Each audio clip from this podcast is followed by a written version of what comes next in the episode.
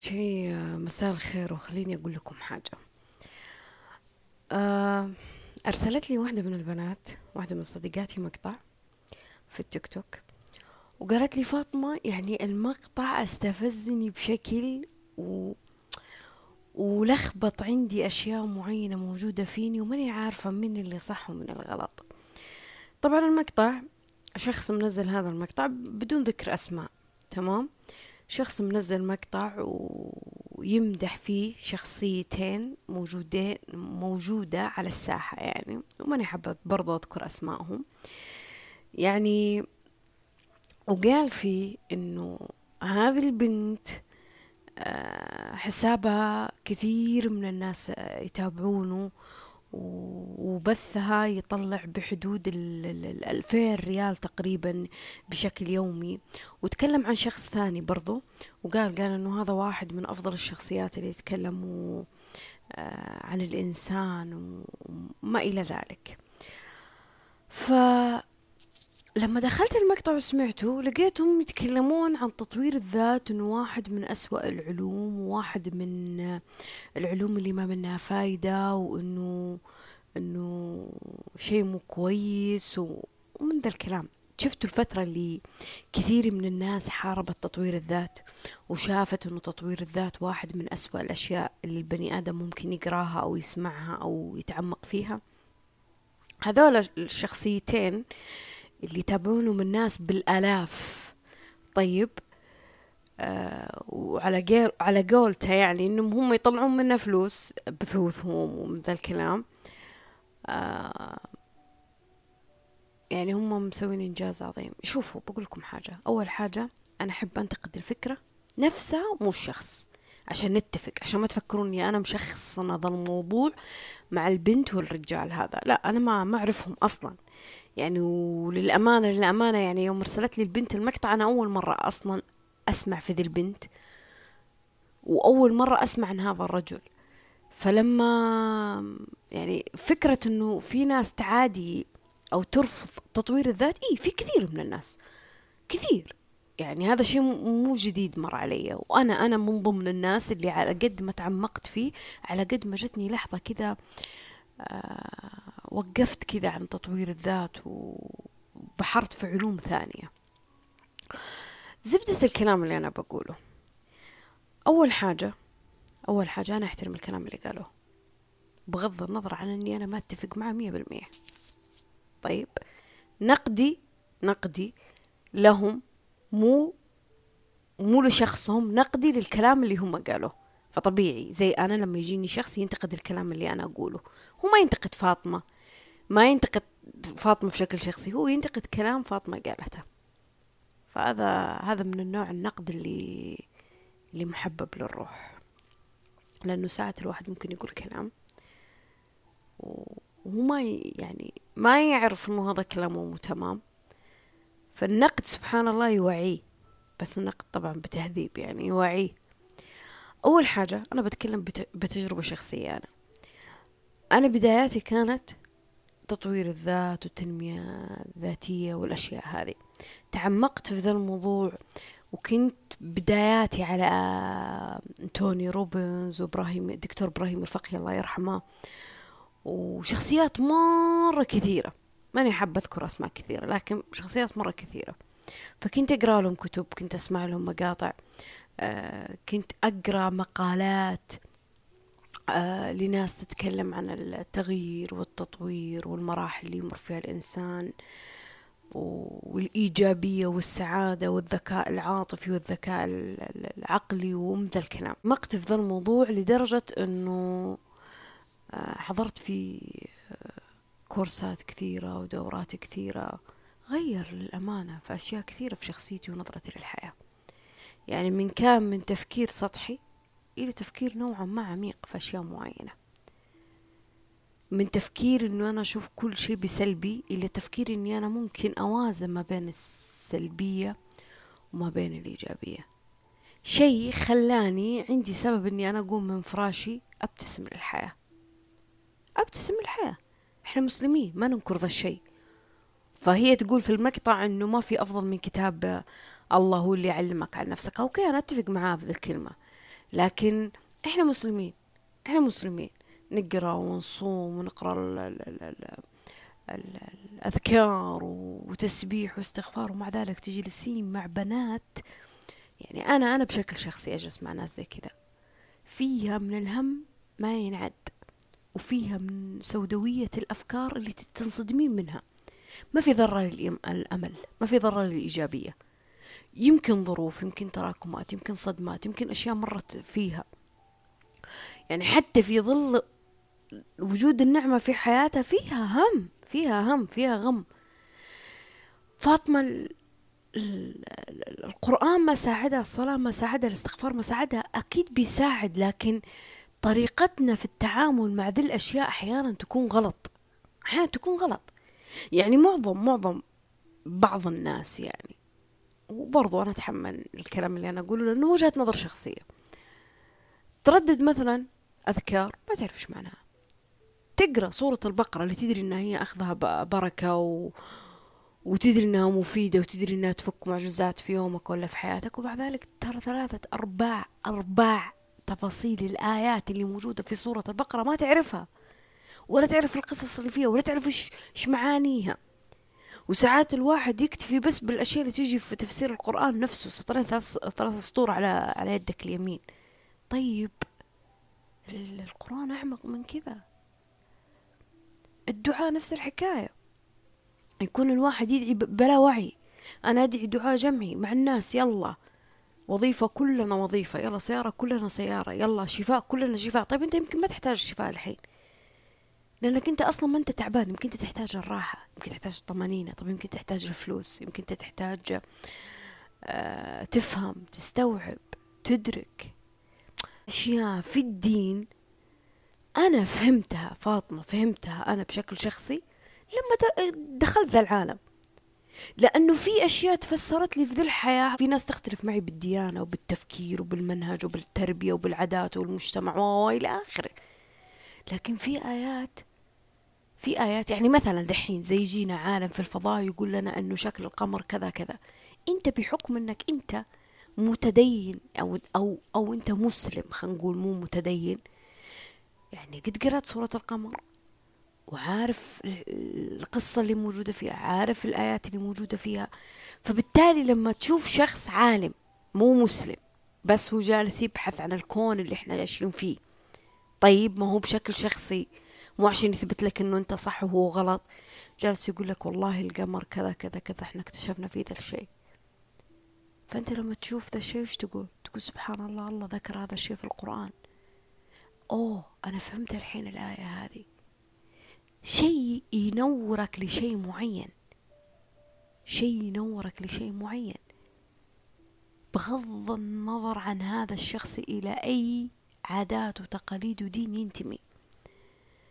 أنا أبحرت من تطوير الذات دخلت في الفلسفة. وحاليا أنا تقريبا في منتصف الفلسفة. صرت أقرب في كتب الفلسفة صرت أتساءل عن أشياء كثيرة في الحياة صرت صرت أعرف مزيج الأشياء. والله إني صرت أعرف حتى إيش معنى كلمة خير.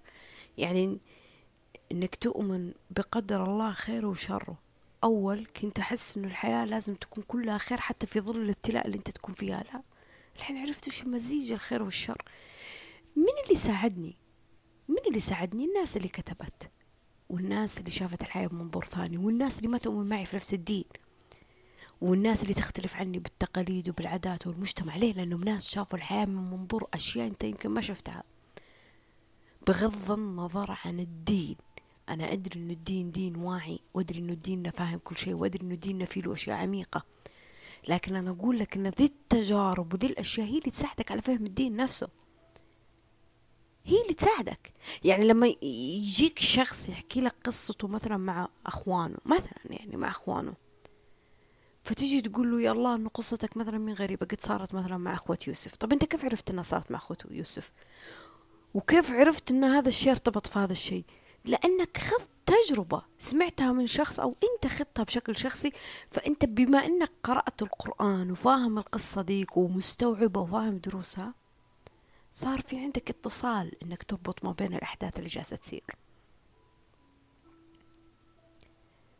الله يقول يعني وما أتيتم من العلم إلا قليلا. مهما مهما مهما شوفوا مهما بحثنا مهما مهما عرفنا مهما ذول الشخص الأشخاص هذول اللي جالسين ينتقدون التطوير والكلام هذا مهما أبحروا في العلوم راح يظلون جاهلين. ما في إنسان يقدر يجيب التايهة كاملة في ذي الحياة. دائما في علامة استفهام. دائما في تساؤلات. دائما. فدائما أقول إنه الإنسان اللي تعمق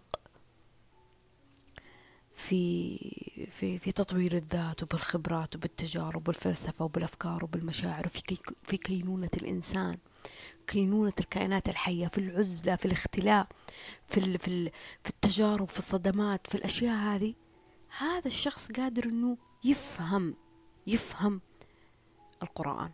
هذا الشخص قادر إنه يفهم الحياة قادر يفهم ارتباط علاقته مع رب العالمين. بغض النظر بغض النظر عن اختلاف الناس عن أديانهم. في النهاية في النهاية في النهاية أنا يوم سمعت كلامها وسمعت كلام هذاك الشخص ترى في النهاية كلهم الغاية واحدة. الوسيلة تختلف المعنى يختلف الأسلوب يختلف الطريقة تختلف المنهج يختلف. هي هي تفتكر انها بس جالسة الحين تتكلم عن القرآن وهو بس يفتكر إنه جالس يتكلم عن قال الرسول والقرآن لكن ترى ترى كل الكلام اللي جالسين يقولونه موجود في العالم هذا حق تطوير الذات والتغيير والعادات والمجتمع والأفكار والفلسفة. ترى موجود بس بطريقة ثانية الأسلوب ثاني بمعنى ثاني بطريقة ثانية. أنت تفتكر إنه هذا علشانه كتبوا واحد مثلا ما هو مسلم أو واحد يتكلم بواقعية أو عن الحياة وهذا عشانه كلام من الله. يعني في اختلاف. لا ترى على فكرة على فكرة على فكرة كلام الله اللي هو القرآن عبارة عن قصص موجودة صارت لأقوام. عرفنا عنهم وأقوام ما عرفنا عنهم. أحداث صارت بصيغة ربانية ربي كتبها. لكن ترى المعنى واحد. يعني أنت لما تبحر في عالمهم تفهم القرآن نفسه. تعرف تعرف أشياء كثيرة في الحياة. تعرف إيش يعني في النفس. يعني تعرف إيش يعني في الأفكار. تعرف إيش يعني المشاعر. تعرف اللاواعي تعرف أشياء في تكوين جسدك في تقبلك في رفضك في استسلامك في تواكلك. تفهم تفهم. هذه الأشياء تساعدك أنك تفهم. هم جالسين يتكلموا كذا يفتكروا أنهم هم مو جالسين في عالم التطوير والتغيير. ترى هم في عالم التطوير والتغيير. في النهاية في النهاية أنت جالسة تاخذي فلوس أو دعم وهو جالس يعطي دورات أو دعم أيا كان. كلكم الاثنين تصبون في غاية واحدة. وش هي؟ إني أنا أغيرك أفهمك أوعيك أنورك عشان تدخل الجنة أو عشان تعيش الحياة بطريقة صح وتجاهد فيها نفسك. لكن لكن بدون ما أقول لك العالم الفلاني والكاتب الفلاني والتطوير وورشة العمل والتغيير والعادات أنا أجيبها لك من باب قال الرسول وقال الله يعني يا هلا بذكر الله. فأفتكر كذا أني أنا بصح. لا أنت مو صح مية بالمية. لأنه في ناس من شدة غلوها في الدين أبعدت عنه وتعاملت مع الدين بطريقة غلط. لكن حلو إنه الواحد يكون موازن. موازن بدون ما أقلل من العلوم والأبحاث الثانية. يعني مو عشان بس أثبت إنه القرآن أفضل كتاب أجي أقول والله علم النفس ما له قيمة ما له معنى. ولا التطوير ما له معنى وما له قيمة. والفلسفة عبارة عن خرابيط. هذا رفاضية لا. ترى كل حاجة لا إله إلا الله كل حاجة كل حاجة لها مجالها واختلافها وتميزها لكن سبحان الله تصب كذا في مكان واحد. يعني إحنا كلنا في النهاية نصب في مكان واحد. اللي هي وشو يعني مثلا الغاية في النهاية في النهاية الغاية إني أنا بعيش مثلا حياة كريمة. أو الغاية إني أخذ حقوقي. أو الغاية إني أنا يكون عندي استقلال مادي مثلا. أو الغاية إن علاقاتي تكون تمام. الغاية إني أنا أدخل جنة مثلا. الغاية إني أقدر أتصالح مع نفسي. أو أصفح عن اخطاء مريت فيها. الغاية واحدة ترى. المعنى يختلف الطريقة تختلف الوسيلة تختلف بس الغاية واحدة. الغاية واحدة. أنا ماني جالسة أقول إنه قرآن يعني جالسة أقول إنه العلوم أفضل من كتاب الله. لا طبعا طبعا لا. كتاب الله ما في أفضل منه في ذي الحياة. يكفي إنك إنك تقرأ الحرف كل حرف فيه له أجر وله صدقة.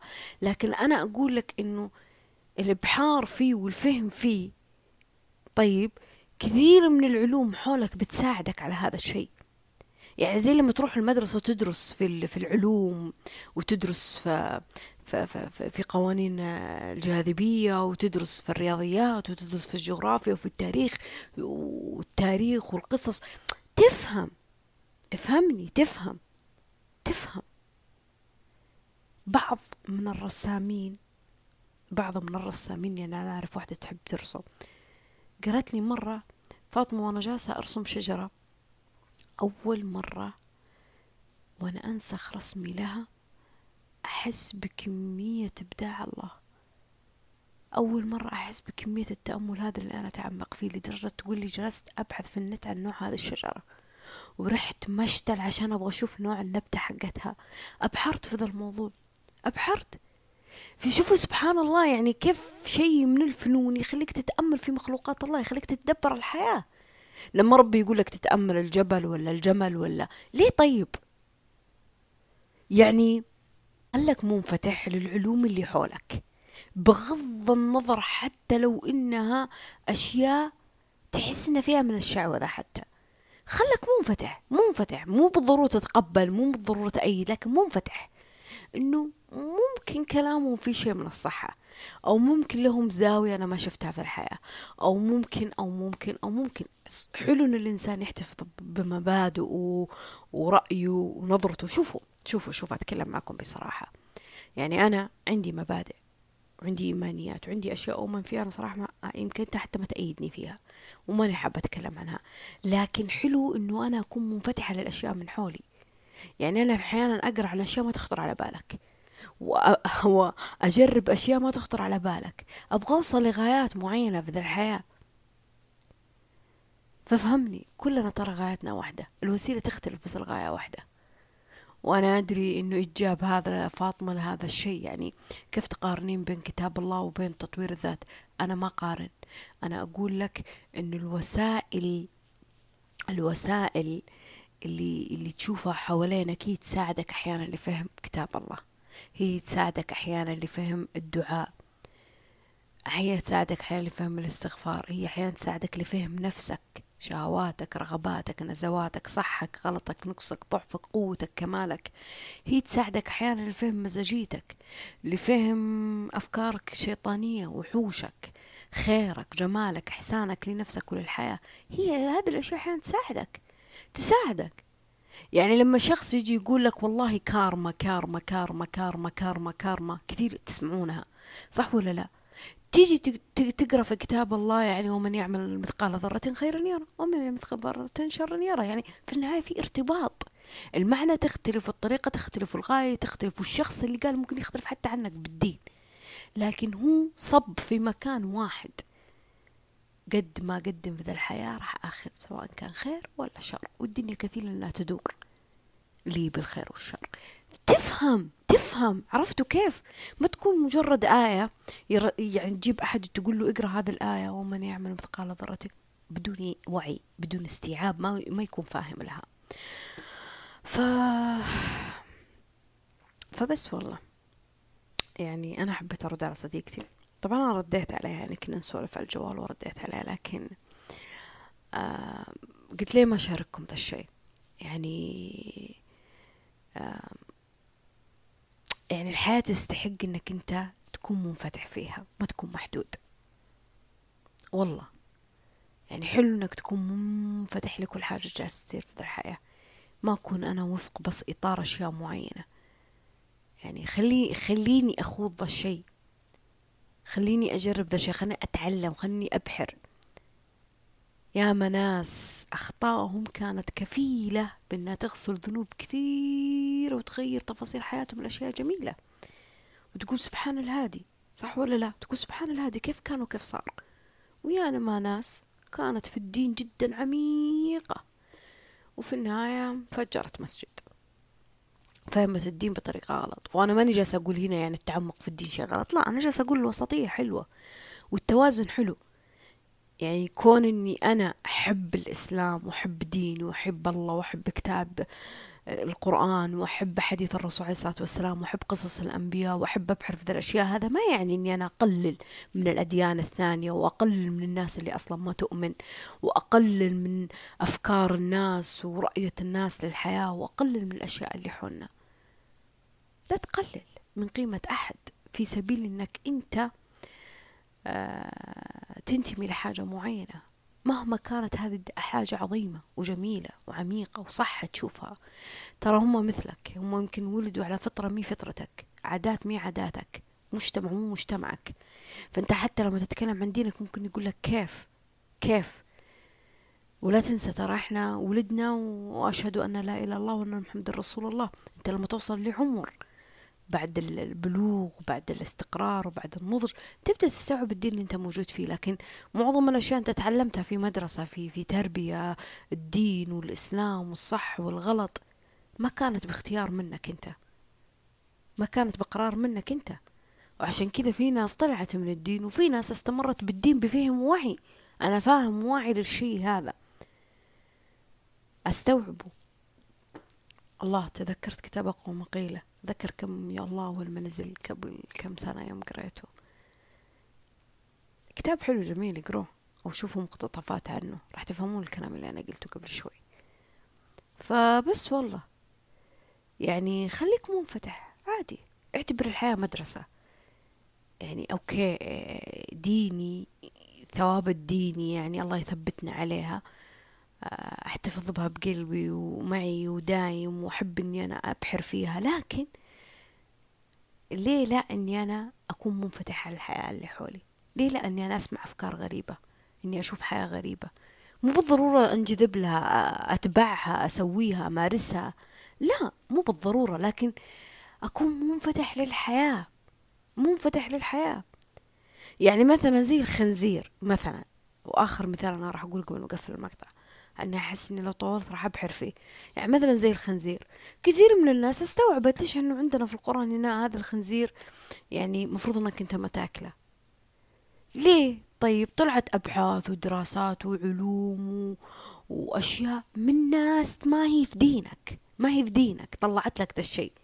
لدرجة إنك أنت اقتنعت أوه سبحان الله الله ما حرم شيء عبث. الله ما نهى عن شيء عبث. الله ما منعنا عن شيء عبث. انت عقلك يبدأ يستوعب. انت عقلك يبدأ يستوعب. صح مو نفس دينك وصح يمكن هم ما فتحوا القرآن ولا عرفوا وش الآية اللي انت قلتها لكن هم ناس فضوليين عندهم استكشاف في الحياة. فالإنسان اللي عنده استكشاف في الحياة سبحان الله بصيرته تكون واعية. تنكشف عنه أشياء كثيرة. فما بالك لما يكون أصلا يؤمن بالله وفي نفس الوقت جالس يستكشف ذا الشيء. كيف تكون بصيرته.